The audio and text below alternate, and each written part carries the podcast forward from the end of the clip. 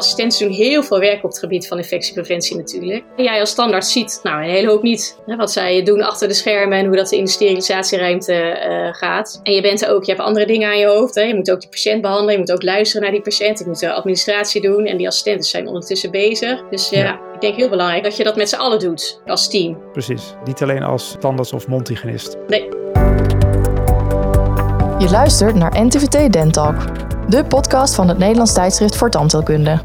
We gaan hier in gesprek met belangrijke experts, interessante onderzoekers en boeiende ervaringsdeskundigen. En misschien wel met jou. De presentatie is in handen van tandarts-epidemioloog en hoofdredacteur van het NTVT Casper Bots. Welkom bij NTVT Dental Podcast. Vandaag gaan we het hebben over infectiepreventie, een belangrijk thema in de dagelijkse mondzorgpraktijk. Tot enige jaren geleden hadden we het zogenaamde WIP-protocol van de werkgroep infectiepreventie, maar sinds 2016 is er de KNMT-richtlijn infectiepreventie in de mondzorgpraktijken. Een richtlijn die recent is aangevuld met de leidraad mondzorg corona. Richtlijnen die zeker de laatste maanden vanwege het SARS-CoV-2-virus met enorm veel extra aandacht zijn gelezen en tegen het licht zijn gehouden. Hoe zit het nu met de aerosolen en welke persoonlijke beschermingsmiddelen werken wel en welke niet? Iedereen leek er een mening over te hebben en daarom is het nu tijd om in deze NTVT Dental Podcast te spreken met dokter Catharine Volgenand van het ACTA. In 2009 studeerde zij cum laude af als aan het ACTA in Amsterdam en in 2016 promoveerde ze op de afdeling preventieve tandheelkunde. Naast haar werk als standaards en universitair docent op ACTA was zij als lid van de richtlijncommissie infectiepreventie nauw betrokken bij de inhoud daarvan. Zij is ook co-auteur van het artikel Infectiepreventie tijdens de uitbraak van SARS-CoV-2, dat in april van dit jaar verscheen in het NTVT, en daarnaast ook nog excerpt-redacteur voor het NTVT op het gebied van infectiepreventie. Catharine, de afgelopen maanden stonden vanwege uh, de coronacrisis dag en nacht, week in, week uit in het teken van infectiepreventie. Um, heb je eigenlijk nog wel zin om over infectiepreventie te praten en hoe heb je die tijd beleefd? Ja, ja, dat is een mooie vraag. Het is inderdaad een hele intensieve tijd geweest. Um, uh, het was heel druk, uh, inhoudelijk, maar ook praktisch. We hadden natuurlijk uh, heel veel te doen in Nederland wat betreft de richtlijn, wat betreft wat je wel en niet moet doen. Um, praktijk zijn natuurlijk even dicht geweest. ACTA is even dicht geweest en daarna weer opstarten. Het heeft heel veel vragen gegeven, heel veel internationale literatuur ook. Dus het was aan de ene kant heel druk, maar tegelijkertijd ook heel interessant. Dus het heeft ook kansen geboden, begrijp ik, voor nieuwe onderzoekslijnen en dat soort dingen en internationale samenwerking. Ja, ja, we hebben heel veel internationaal contact met collega's die een beetje met dezelfde problemen zitten of zaten. En dat uh, geeft ook wel weer hele nieuwe leuke inzichten. Ja. Oké, mooi. Daarnaast aan onze digitale tafel aangeschoven is dokter Alexa Lahai. Zij studeerde in 2002 af als psycholoog aan de Universiteit van Tilburg. Daarna studeerde ze in 2007 ook cum laude af als tandarts aan ACTA. Ze is gepromoveerd bij de afdeling preventieve tandheelkunde van ACTA op de rol van het orale microbioom bij orale mucositis. Net als Catharine was zij lid van de richtlijncommissie infectiepreventie. Alexa, eh, naast je werkzaamheden als universitair docent bij preventieve tandheelkunde en orale geneeskunde, ben je ook werkzaam als standaard praktijkhouder in Voorschoten. Hoe kijk jij nu aan als algemeen practicus? Uh, hoe kijk je aan tegen de manier hoe we met het virus omgaan in de algemene praktijk op dit moment? En we zitten nu zo eind juli. Ja, het klopt. Het is uh, een, een andere rol die, ook hebt uh, als praktijkhouder. En dan heb je ook andere belangen natuurlijk. Hè. De, uh, je wil graag zorg verlenen aan patiënten en dat, uh, dat lukt niet op dat moment als je met een nieuw virus te maken hebt waar je zelf ook nog niet zo goed van weet wat voor risico's dat allemaal zijn. En dan moet je toch handelen, ook in het belang van je patiënt, in het belang van de mensen die voor je werken, in het belang van de praktijk. En uh, nou, dat was best even spannend zo. Ja, ik kan me voorstellen dat je heel veel dat je eigenlijk daar met verschillende petten zit. Dat je natuurlijk aan de ene kant de bagage hebt met alle informatie die er is. Maar dat je ook graag de patiënten wil helpen en goed voor je personeel wil zorgen en goed voor jezelf, jezelf wil beschermen. Ja, klopt. Um, hoe, hoe voelde dat voor jou toen je gewoon weer echt een beetje aan, aan de slag moest gaan? Ja, toen we echt aan de slag gingen, toen hadden we natuurlijk al een paar weken van uh, nou ja, intelligente lockdown achter de rug. Waarbij we natuurlijk een tijdje alleen spoedpatiënten hebben behandeld. En die tijd heeft er ook toe geleid dat, uh, ja, dat je na kon denken. En dat, je, dat er meer literatuur kwam, dat er meer duidelijk werd. Hoewel we natuurlijk nog lang niet, ook nu nog alles niet weten. Um, maar dat heeft er ook wel toe geleid dat je ook wel, ik voelde me in ieder geval wel weer voorbereid om te gaan starten. En we hadden er ook wel weer zin in. de assistenten hadden er zin in. En een heel groot deel van de patiënten had er zin in. En nou, ik moet zeggen dat ik er zelf ook weer zin in had. Het voelde voor, mij, voor ons goed om dat weer te gaan doen. Precies, het was fijn dat het weer, uh, weer kon. Ik denk dat heel veel mensen die aan het luisteren zijn het ook uh, herkennen. Dat je, je wil graag zorg verlenen. Als dat dan niet kan, ja, dan is dat wat frustrerend. En je zoekt dan naar een manier om dat toch uh, te kunnen doen. En ja, een beetje alsof je met de handrem aan het rijden bent. Af een beetje aantrekken en kijken wat werkt, wat werkt niet. Dus eigenlijk is infectiepreventie, is dus zeg maar, de, ook als je kijkt naar de gewone KMT-richtlijn infectiepreventie die er al ligt sinds 2016 is het eigenlijk natuurlijk ook zoeken naar uh, wat is er bekend en hoe werkt het in de, in de praktijk. En misschien helpt het even ook voor deze, deze podcast, want infectiepreventie is natuurlijk heel breed, om eerst even naar het doel te gaan van die, wat in de infectiepreventie staat, in die KMT-richtlijn. Het doel, wat daar staat geschreven, dat is dat infectiepreventie is niet alleen gericht op preventie van zorggerelateerde infecties bij patiënten, maar ook op het voorkomen van beroepsziekten of ziekten bij zorgverleners alle beroepsgroepen die betrokken zijn bij de mondzorgverlening. Dus de richtlijn moet leiden tot minimaliseren van het risico op infecties bij de patiënten die worden behandeld en tot de minimalisering van het risico van medewerkers op het oplopen van een infectie. Ja. Er zitten natuurlijk heel veel aspecten uh, aan. Misschien is het goed om eerst even te beginnen bij de uh, historie. Als ik denk aan de tijd dat ik uh, zelf opleiding tandheelkunde deed, er waren sommige docenten die nog zonder handschoenen rondliepen en af en toe ja, in de mond van de patiënt daarmee zaten. Hoe, hoe is het eigenlijk allemaal begonnen, die infectiepreventie en die, die richtlijnen daaromtrent? Catharine. Ja, dat is inderdaad een hele ontwikkeling geweest vanuit de jaren tachtig. Aanleiding van onder andere de het opkomst van het HIV-virus. Ze wisten op dat moment gewoon niet zo goed wat de manier van overdracht was. Er was op dat moment ook wel wat angst.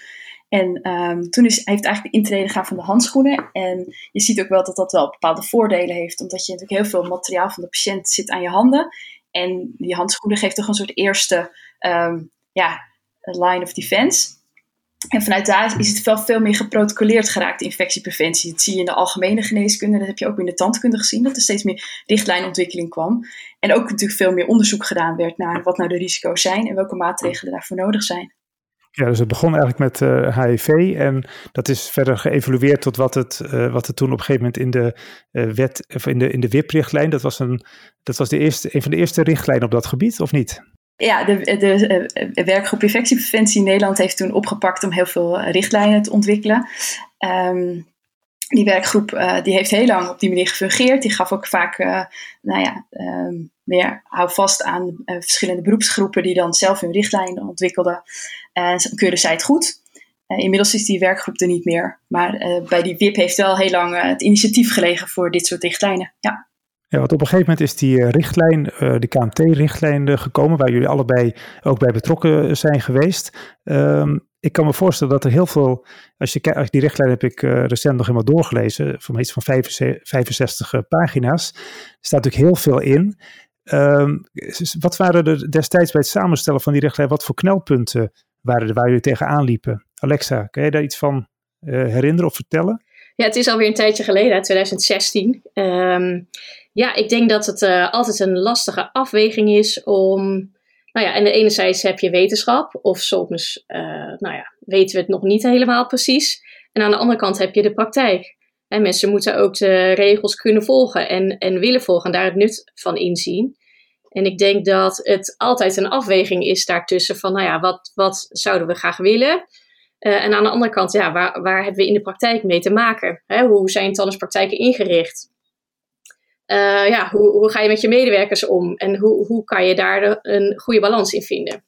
Ja, want soms wordt zo'n infectiepreventierichtlijn wordt ook soms, uh, zeker voor het uh, SARS-CoV-2-virus, een beetje als een last beschouwd door sommige mensen. Denken, ja, dan moet ik mijn ringen afdoen, dan mag ik me, uh, al, ik, moet alle, ik moet zo vaak mijn handen wassen enzovoort. Dat is niet goed voor mijn huid, noem maar op. En ik denk dat dat ook wel in een ander perspectief is gekomen. denk je niet? denken jullie niet daardoor? Absoluut. En ik denk dat wij nou ja, dat de richtlijn inhoudelijk niet eens zo heel veel anders was dan de, de, de WIP-richtlijn die daarvoor was. Uh, maar het was wel anders opgeschreven. Het werd wel duidelijker soms uh, wat nou precies de bedoeling was, waar je aan moest houden, of je was moest toetsen of niet, en wanneer dan je dat dan moest doen. Um, en ik denk dat we daar wel um, als tandarts ook wel een professionaliseringsslag in hebben gemaakt. Je zei straks het voorbeeld van de handschoenen zonder handschoenen werken. Ja, ik kan me dat echt niet meer voorstellen nu. Hè? En Tuurlijk, als je ringen af moet doen, moet je nagels kort knippen. Ja, voordat ik ging tandkunde ging studeren, had ik ook vaak nagellak en langere nagels. En dan moest ik ook even slikken toen we dat niet meer mochten.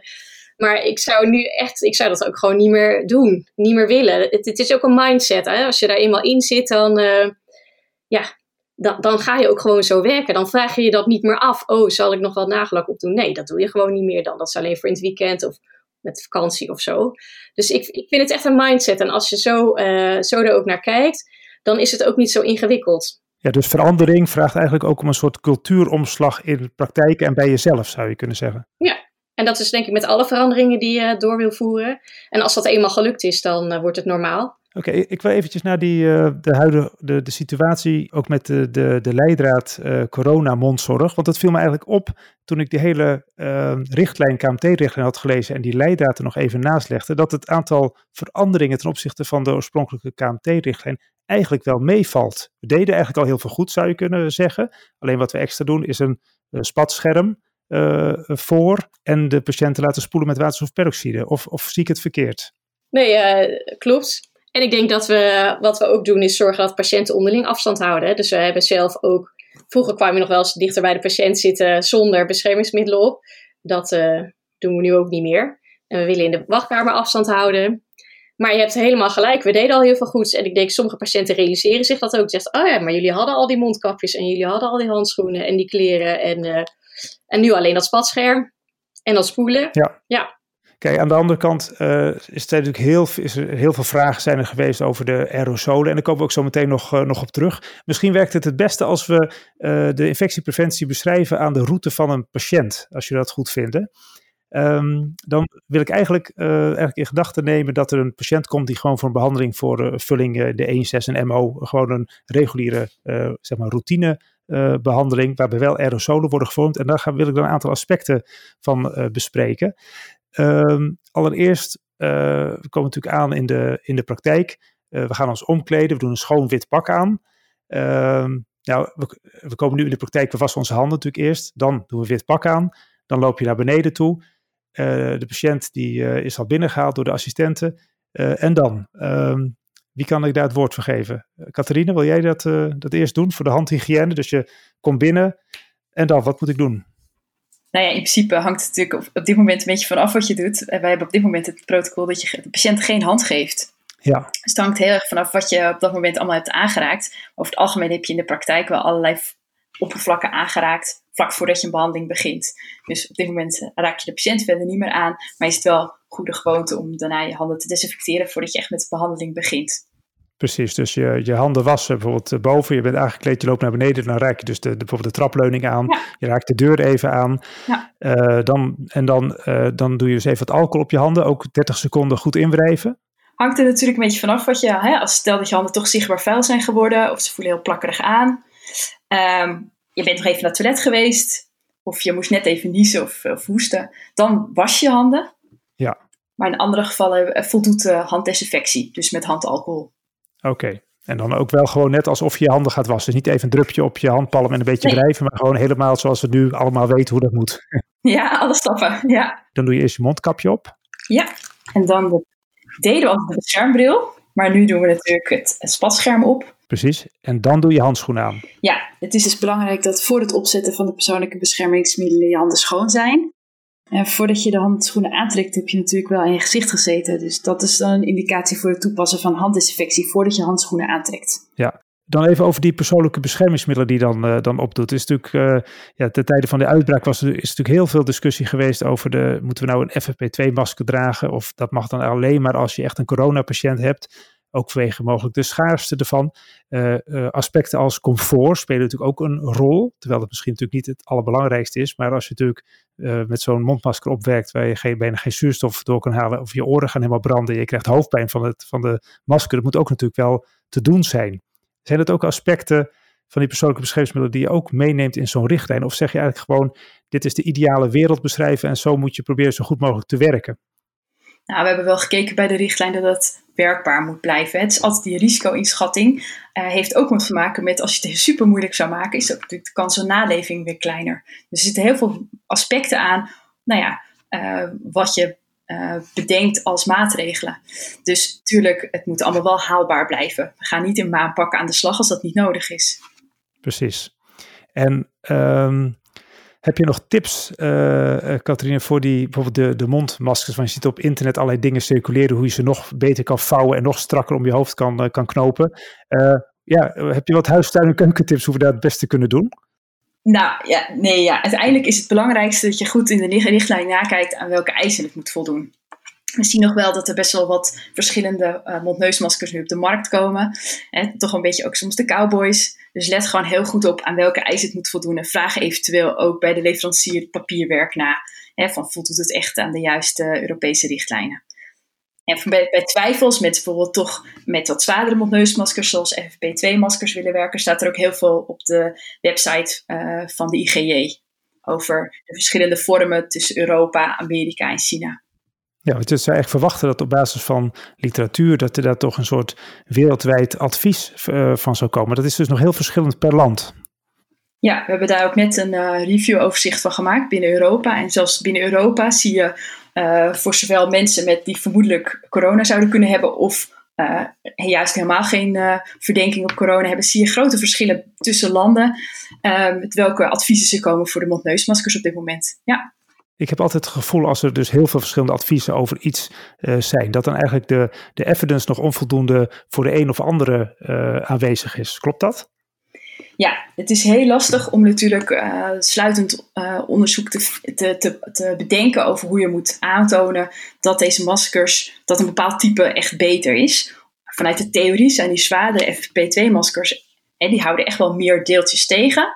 Um, maar eigenlijk wil je het liefst natuurlijk onderzoek waarbij je ook ziet dat bij een groep die dat wel draagt ten opzichte van die dit niet draagt, uh, dat die minder mensen ziek worden. En dat onderzoek is er gedaan bij influenza en daar zie je toch niet hele grote verschillen.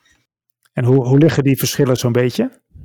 Nou, geen statistisch significante verschillen tussen groepen voor het type mondneusmasker. Um, maar dan is de vraag natuurlijk of dat binnen die zorgsituatie dan is opgelopen als mensen toch influenza krijgen, of dat het op een ander moment heeft plaatsgevonden. Waardoor je uiteindelijk toch niet weet wat die mondneusmaskers nou voor effect hebben gehad. En dat, was dat ook in tandartspraktijk of was dat meer in een ziekenhuissetting? Meer in een ziekenhuissetting. Dus weinig onderzoek gedaan binnen de mondzorg. Ja, dus er is meer onderzoek uh, hard nodig om daar conclusies aan te trekken. Zeker, ja we komen zo nog wel even ook daarop terug, ook in de, met het licht van de aerosolen. Maar we gaan even terug naar die patiënt. Ik zit dus helemaal aangekleed en wel klaar om de patiënt, uh, nee, bijna te gaan behandelen. Want er moet nog gespoeld worden, uh, Alexa, of niet? Jazeker. Eén minuut. met waterstofperoxide, ja. Precies. Met hoeveel? 3 procent? Uh, anderhalf procent? wat is het ook alweer?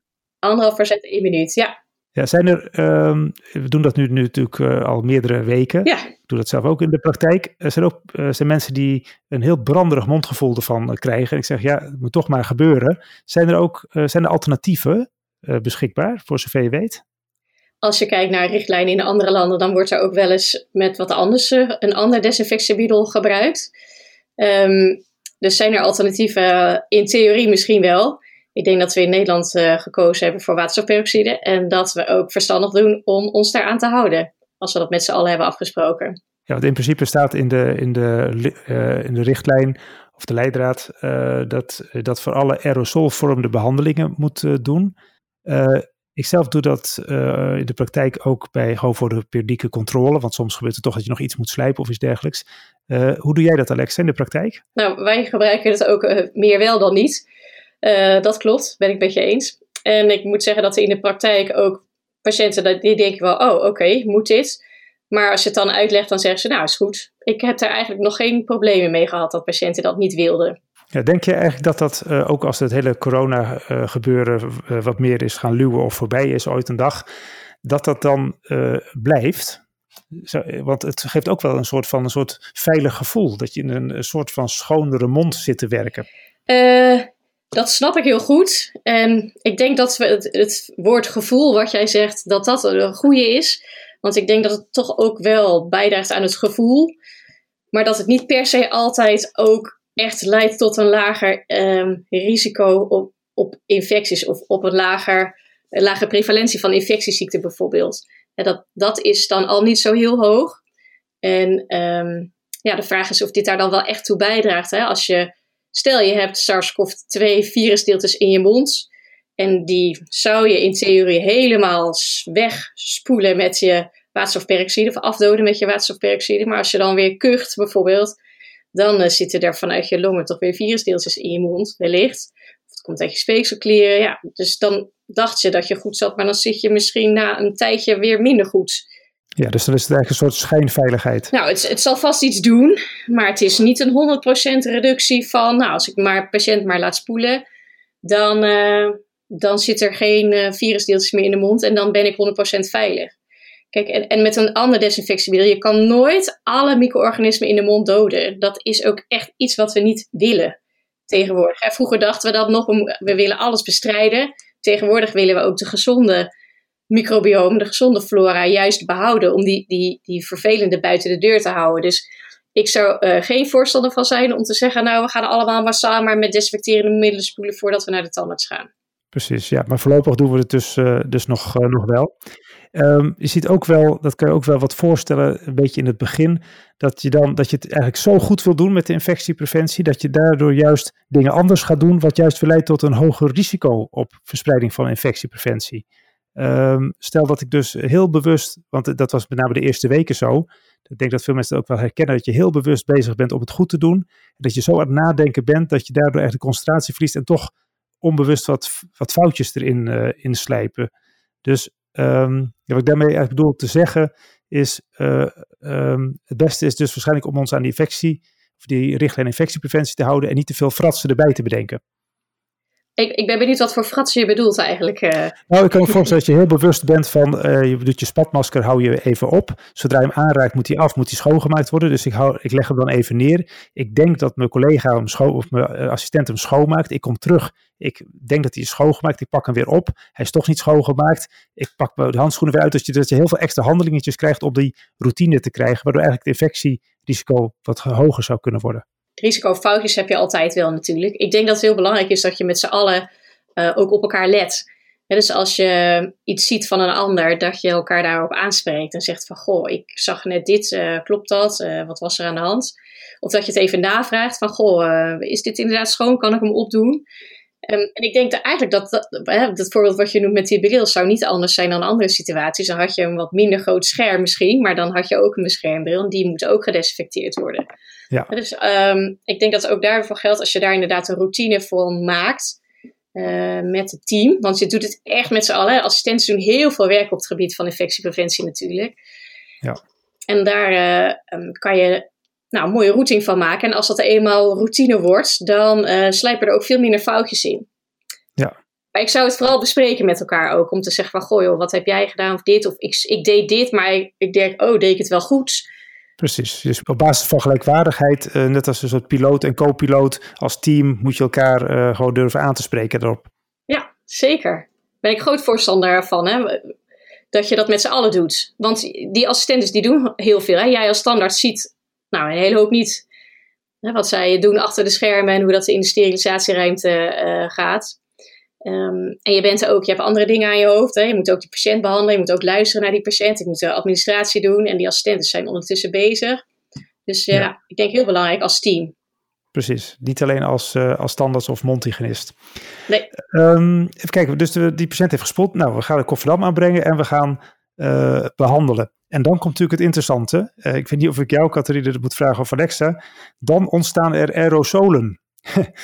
Uh, zullen we eerst maar even hebben, uh, Catharine, over de definitie van aerosolen. Wat, uh, wat wordt daaronder verstaan? Want dat, aerosolen, je leest overal in het nieuws, lees je dingen over. Maar er zit natuurlijk denk ik wel verschil in tussen een tandheelkundig geproduceerde aerosol en een overbuurman die in mijn gezicht hoest of niest. Of is, is dat hetzelfde? Nee, dit zijn natuurlijk wel iets verschillende aerosolen. Sowieso heb je natuurlijk die hele kleine deeltjes. 1 tot 5 micrometer. Nou, dat zijn echt die aerosolen. Groter dan hebben we het echt over druppels.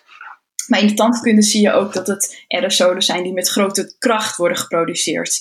Dus die zijn niet zozeer passief, maar die, nou ja, die worden echt de omgeving ingeslingerd. Dat is wel verschil met, uh, nou ja, met andere aerosolen. Ja. Wat dat precies voor verschil maakt, zeg maar, ten opzichte van uh, andere aerosolen weten we eigenlijk niet. Er is heel weinig onderzoek nog naar gedaan naar aerosolen in de mondzorg. Oké, ik heb begrepen wel dat jullie op ACTA wel recent onderzoek daarna hebben gedaan. Of collega Semouri die daar pas op gepromoveerd is. Ehm, wat is daar de, de, de hoofdconclusie van, van jullie onderzoek? Nou, het jammer is dat we in die fase alleen naar bacteriën hebben gekeken, dus niet naar virussen. Dat maakt het altijd een beetje een kleine kanttekening. Maar wat we wel zagen is dat uh, de meeste deeltjes, zeg maar, de micro-organismen, vooral in de buurt van het hoofd van de patiënt, daar waar de aerosol geproduceerd wordt, uh, terechtkomt. En hoe hebben jullie dat onderzocht? En we hebben dat op twee manieren onderzocht. Met een soort uh, afzuigsysteem, maar ook gewoon met door heel veel platen, voedingsplaten voor voor bacteriën in de omgeving op verschillende afstanden neer te leggen. En dan gewoon tijdens de reguliere behandelingen te kijken, nou ja, waar komt het dan terecht en, uh, en dat groeien. Ja. Oké, en wat was de, de, de, dus de eindconclusie daarvan? En dat is vooral in de buurt van, van de mond van de patiënt. Dus eh, daar, daar zie je de meeste verspreiding van micro-organismen. Dus uh, je hoeft niet heel bang te zijn dat het dwars door je hele praktijk zit. In ieder geval wat betreft bacteriën. Maar bijvoorbeeld als je allerlei spulletjes rondom het hoofd van de patiënt hebt klaar liggen. Dat die, daar kun je wel van uitgaan dat die tijdens een behandeling allemaal uh, gecontamineerd raken. Oké, ja, ik moet een beetje denken aan toen ik vroeger behandeld werd. Lagen, we hebben tandarts lang geleden, lagen daar boordjes, die lagen daar gewoon naast de, de, de behandel, die lagen voor het grijpen. Wattenrollen, adspuitjes, composietspuitjes, precies. ja, nou die dus. Ja, dat is dus niet handig. Nee, dat is niet handig. Behalve als het voor die behandeling nodig is en je het daarna gewoon allemaal weggooit bijvoorbeeld. Ja, dat kan wel.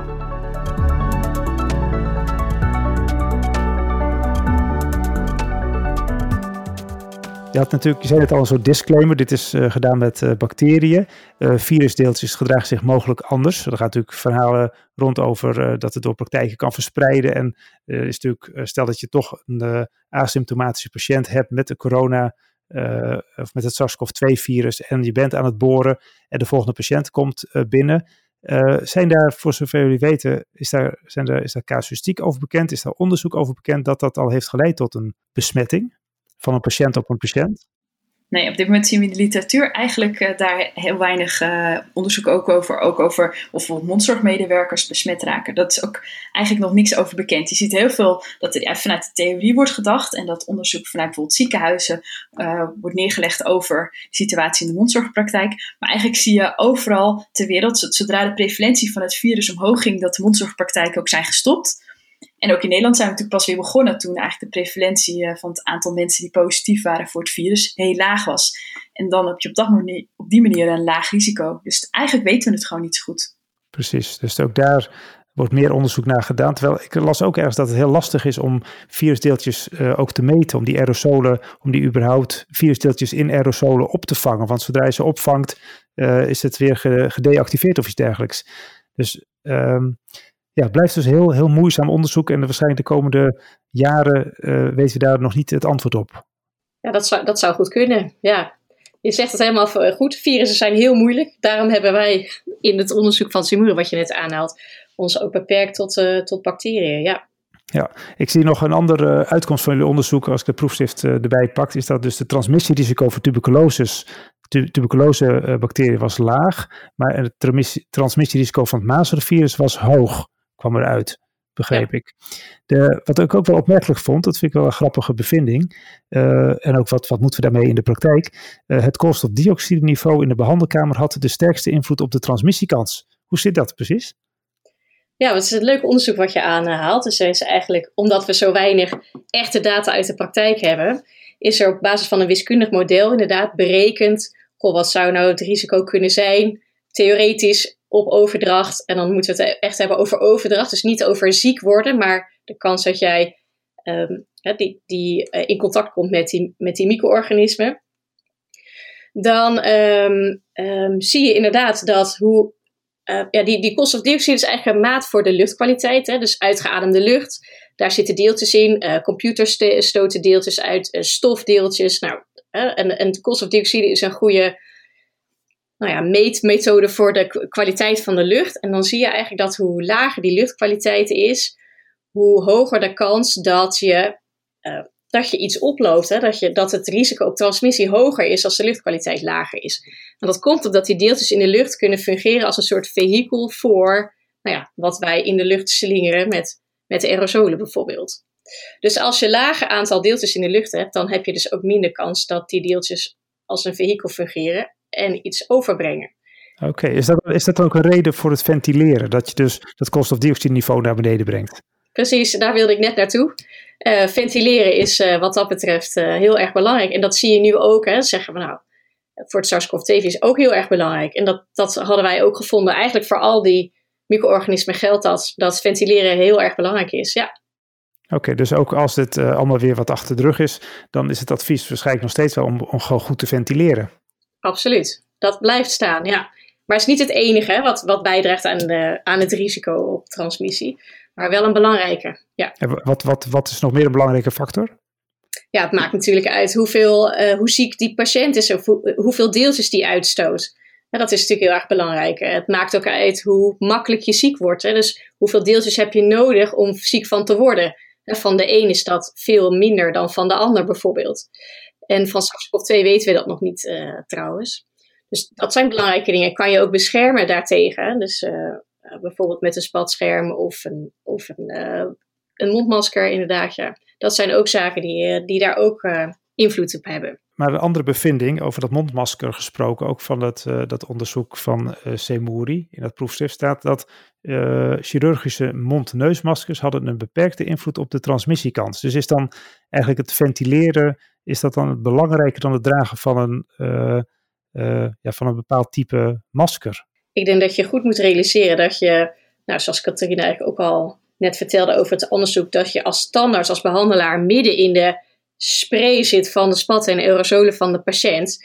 Dus dat je echt heel dichtbij zit um, en dat, dat dat echt een hoog risico is. Hè, dat kan je niet oplossen door, door veel te ventileren bijvoorbeeld. Die deeltjes gaan toch op jou afkomen, hoe goed je ook ventileert. Dus je zal ook jezelf moeten beschermen, omdat er geen andere, nou, geen andere maatregel eigenlijk is die dat risico weg kan nemen.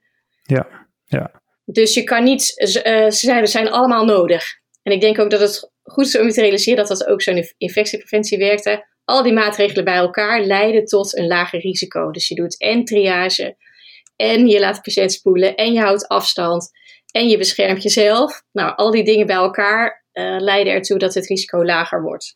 Ja, dus infectiepreventiemaatregelen zijn eigenlijk soort schuifjes op een regelbord, die allemaal een beetje opengezet worden en uiteindelijk dan zorgen dat het geluid wegvalt of iets dergelijks. Bijna. Bijna, want? Het, wordt nooit, het, risico wordt, het risico wordt nooit helemaal nul. Er zit altijd wel een bepaald risico aan het verlenen van zorg. Ja. ja. Klopt. En kijk, dat, misschien is dat wel dat, dat, dat, dat soms lastig uh, is, omdat uh, dat realiseren we ons natuurlijk. En, maar dat realiseren we eigenlijk ons altijd wel een beetje. Maar nu natuurlijk extra sterk in deze periode. Want we kunnen altijd griep oplopen van een patiënt. We kunnen altijd andere dingen besmet raken. Maar omdat het natuurlijk zo weinig voorkomt en dat haast niet hoort, is het, heeft het natuurlijk een ander kaliber. En daardoor gaan we natuurlijk ook nu anders om met infectiepreventie dan we voorheen uh, deden waarschijnlijk. Nou ja, in ieder geval is, is, is, is, iedereen zich er wel veel meer van bewust. En als je al die beelden ziet van die dramatische situatie in Italië, dan, ga je, dan kijk je wel weer even anders naar je eigen situatie. We zijn wel weer allemaal denk ik wel wat bewuster van wat we doen. Ja. Ja, dus misschien heeft het voor de lange termijn, voor de mondzorg ook wel weer het gevolg dat iedereen wat bewuster met infectiepreventie bezig is. Ja, en ik zie allerlei mogelijkheden voor leuk, uh, leuk onderzoek. Want ik, deze, deze maanden uh, kan me ook voorstellen dat veel minder mensen zijn of die in de mondzorg werken, die, die, die dan geen influenza uh, krijgen bijvoorbeeld. Of dat je, ja, ik ben zelf af en toe wel gewoon normaal verkouden, maar ik ben al maanden niet verkouden geweest. Komt er dan misschien door zo'n spatscherm wat ik draag, of toch door de maskers, of dat ik veel minder patiëntencontact heb gehad. Dus het, uh, ja, veel mogelijkheden voor uh, onderzoek. Wat, als je het over onderzoek hebt, waar, waar, richten jullie momenteel op, op ACTA, op dit gebied van infectiepreventie? We hebben heel veel verschillende onderzoekslijnen lopen, samen onder andere met Hans de Soet, een microbioloog, en Ilona Persoon. Kijken we nou ja, inderdaad naar dingen als naleving en ook wel een beetje risico's proberen we in te schatten. Maar het is natuurlijk heel lastig, want het is, hè, wat je aangeeft van hey, ik ben minder verkouden geweest, kan ook toeval zijn. Dus je moet dan op hele grote groepen onderzoek doen. Tegelijkertijd is het natuurlijk wel positief dat allerlei patiënten met klachten waarschijnlijk niet naar de praktijk zijn geweest. Dus het is best een kans dat dit allemaal uh, interessante dingen zijn om te meten, maar het is wel heel lastig om te meten. Maar natuurlijk willen we graag onderzoek doen naar, naar SARS en virussen in de praktijk, maar de financiering daarvan is nog wel een. Uh, dat moet natuurlijk wel gefinancierd worden, het onderzoek. Ja, maar ik neem aan dat er wel uh, middelen zijn om dat uh, te gaan realiseren, want er is veel behoefte aan, begrijp ik. We doen ons best, ja. Oké, okay. Alexa, ik had toch voor jou ook een vraag. Waar ligt jouw persoonlijke interessegebied qua onderzoek? Nou, we zijn ook uh, druk bezig met wateronderzoek bijvoorbeeld. Ja, dus het water wat in de behandelunit zit, ook al zo'n interessant nou, parameter eigenlijk. Hè. Er zitten best wel biofilmen in de, in de behandelunits. En ehm, dat vind ik ook een hele interessante. Die, die hebben we nog niet echt genoemd. Ehm, en dat is nou iets waar wij nou wel juist wat makkelijker onderzoek naar kunnen doen. Dat is helemaal eens met Catherine dat er grote groepen patiënten nodig zijn. En dat maakt het heel ingewikkeld.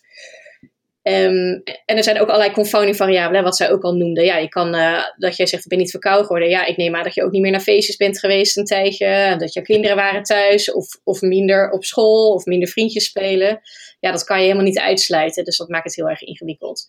En ja, onder andere aan die biofilm in die stoel, ja, daar kunnen we in het laboratorium wel wat modellen voor gebruiken. Um, en dat doen we ook. Om daar wat meer van te weten te komen. Dus dat vind ik ook heel interessant. Oké, dus daar gaat ook nog eh, veel onderzoek eh, op plaatsvinden. Dat is een, ja. kunnen een hele nieuwe podcast aanwijden, TCT. Lijkt me leuk. Zeker weten. even iets heel anders. Ik las laatst dat 90% van de zorgverleners graag duurzamer wil werken, maar het hoofdprobleem zijn de disposables bij de infectiepreventie. Katrien, hoe zit dat precies? Weet jij er iets van? Ja, we hebben vrij recent nog een masterstudent gehad vanuit Public Health die onderzoek heeft gedaan naar duurzaamheid in de tandartspraktijk. Ja. En die heeft eigenlijk vooral kwalitatief naar gekeken. Dus heeft allemaal mensen geïnterviewd. En toen zag ze inderdaad een grote bereidwilligheid om duurzaam te werken. Maar dat er nog wel ja, allerlei barrières zijn, waardoor het toch wel lastig blijkt. Infectiepreventie is er één van. En dan ook gewoon het gebrek aan informatie. En nou ja, dat de producten ook gewoon missen. Of dat de producten bijvoorbeeld heel duur zijn. Precies, en dan bedoel je eigenlijk dat de disposables, want er gaan natuurlijk per dag zakken met disposables uh, gaan er doorheen. Uh, patiënt, uh, servetten, nou, noem al die dingen maar op. die zijn dus niet biologisch afbreekbaar te krijgen of zo. Nou, kijk, het lastige is ook dat ze zijn vaak besmet met patiëntenmateriaal. En dat betekent ook dat het anders afgevoerd moet worden dan. En je kunt niet iets wat bloed op zit, kun je niet bij het oud papier doen. Dat geeft ook bepaald risico weer voor het traject daarna. Uh, dat, dat, dat afval moet verbrand worden. Maar je kunt natuurlijk wel denken aan bepaalde uh, dingen die je herbruikbaar zou kunnen maken. En dat je dan bepaalde, bijvoorbeeld in een thermodesinfector, daar de opzetstukjes, zodat je nou ja, materialen die je nu altijd weggooit, dat je die herbruikbaar maakt. Dat kan natuurlijk wel een bepaalde stap in de duurzaamheid uh, maken. Ja. Waar, waar, zou je dan aan moeten, moeten denken? Want je hebt natuurlijk gewone afzuigbuizen die gaan in thermodesinfector. Zou dat dan ook gelden voor de kleine afzuigbuisjes? Bijvoorbeeld, ja. Zijn er, zijn er nog andere voorbeelden te noemen daarvan? Nou, het, het ook een beetje afdekmaterialen. Of je een plastic tray gebruikt. Of dat je bijvoorbeeld een metalen tray gebruikt. Of een, herbruikbare tray. Maar je ziet gewoon dat er nog heel veel te winnen valt, omdat heel veel mensen op zich wel aangeven dat ze duurzamer willen werken. Maar dat de beslisvoering daarvan ligt heel vaak bij de praktijkeigenaar of de manager. En het gesprek binnen een praktijk, dat is echt nog wel hè, van dat mensen aangeven, voor dat zouden we graag met z'n allen willen. En wat, wat is het ons waard? Dat wordt nog heel weinig gevoerd. Misschien is dit wel een mooi moment, uh, deze periode, om dat dan ook uh, erbij te, te nemen. Dus misschien dat in de volgende richtlijn dan een paragraaf duurzaamheid komt te staan. Ja, er zit natuurlijk, het is natuurlijk best een uitdaging. Want je ziet natuurlijk op het moment dat de, materialen weinig, de duurzamere materialen weinig gebruikt worden, dan zijn de kosten ook relatief hoger. We hebben ook gesprekken gevoerd met de dental depots en die geven ook wel aan dat ze wel bezig zijn om dat wat inzichtelijker te maken wat duurzame producten zijn. Maar het blijft natuurlijk op het moment dat de aantallen laag zijn, dat daar wel een, een prijskaartje aan hangt. Dus dat is best lastig ik denk wel dat de ontwikkeling is dat het langzaamaan uh, wel meer op de, op, de, nou ja, meer op de kaart gezet wordt. Omdat uh, we zien dat vrouwelijke deelnemers vaak hier wat meer gemotiveerd voor zijn. en, uh, nou ja, en dat het ook in de samenleving natuurlijk steeds meer uh, een, een, een topic gaat worden. En nou ja, dat zie je dan ook terug. Ook patiënten die gaan ernaar vragen. Dus nou ja, laten we hopen dat het de komende tijd wat meer op de agenda komt en er wat goede ontwikkelingen komen op dit gebied. Ja, we wachten af hoe het zich gaat ontwikkelen. Ik zat nog één ding te denken, want die patiënt die we, die we hebben behandeld met die 61, die MO, die, uh, uh, daar ben ik inmiddels mee klaar met die behandeling. Die patiënt is naar buiten gelopen en terwijl wij nu dit gesprek hebben, wordt uh, de behandelkamer schoongemaakt. Um, waarmee moeten ze het schoonmaken, de, welke, de oppervlakte? Want die behandelstoel is, ja, is natuurlijk vies geworden. Moet ik de vloer gaan dweilen? Want soms bij ons wordt één keer per dag, soms twee keer per dag de hele vloer met chloor gedwijld. is dat wel zinvol, bijvoorbeeld? Heeft dat zin? Ja, het is eh, wel belangrijk om het verschil te maken tussen schoonmaken en desinfecteren. Oké, vertel. Als er dingen zichtbaar vuil zijn, dan is het belangrijk om eerst schoon te maken met water en zeep. En pas daarna te desinfecteren. En wat we het meeste doen in de, in de tandartspraktijk is natuurlijk oppervlakken desinfecteren, omdat het meestal geen zichtbaar vuil is. Ja, precies. Dus als die patiënt weggaat, dan, uh, dan spuiten ze alcohol, of dan pakken ze een alcoholdoekje, denk ik. En ze spuiten alcohol op een papiertje. En dan gaan ze dus desinfecteren. Ja. ja. Oké, en wat moeten ze met de vloer doen? Want die aerosolen die daar uh, uh, zijn geproduceerd, die zijn natuurlijk op de vloer gevallen. Moet daar nog iets mee gebeuren? Want die kunnen, zitten daar, daar zitten ook deeltjes in, neem ik aan. Um, ja, wat, wat kan je daar het beste mee doen? Ja, de vloer. Ik denk dat je voor al dit soort vragen goed na moet denken. We hebben het over kruiscontaminatie. Dus je wil niet dat, dat je via de vloer iets besmet. Dus dat je zelf besmet raakt of de patiënt besmet raakt. En dan moet je ook goed nadenken van, oh, wat komt er in contact met die vloer? Um, wat ik gebruik bij de behandeling of wat ik gebruik om mijn patiënt aan te raken. Mijn schoenen, meestal mijn schoenen. Ja, schoenen, precies. En ga je met die schoenen jouw patiënt aanraken bijvoorbeeld? Nou, niet gebruikelijk. Nee, hè? ik denk het ook niet. En dan uh, kan je afvragen of dat uh, nou ja, veel toevoegt. Hetzelfde gaat voor, voor het scherm van je computer. Ja, die staat soms in de, in de spatzone. Maar als je die helemaal niet aanraakt, hè, dus dat, hè, je hebt geen touchscreen, maar een gewoon scherm. Um, als je die verder niet aanraakt en die staat daar te staan, dan is die misschien wel besmet. Maar ja, als je die niet aanraakt, dan ga je met je handen dat, die, die, die micro-organismen niet verder verspreiden.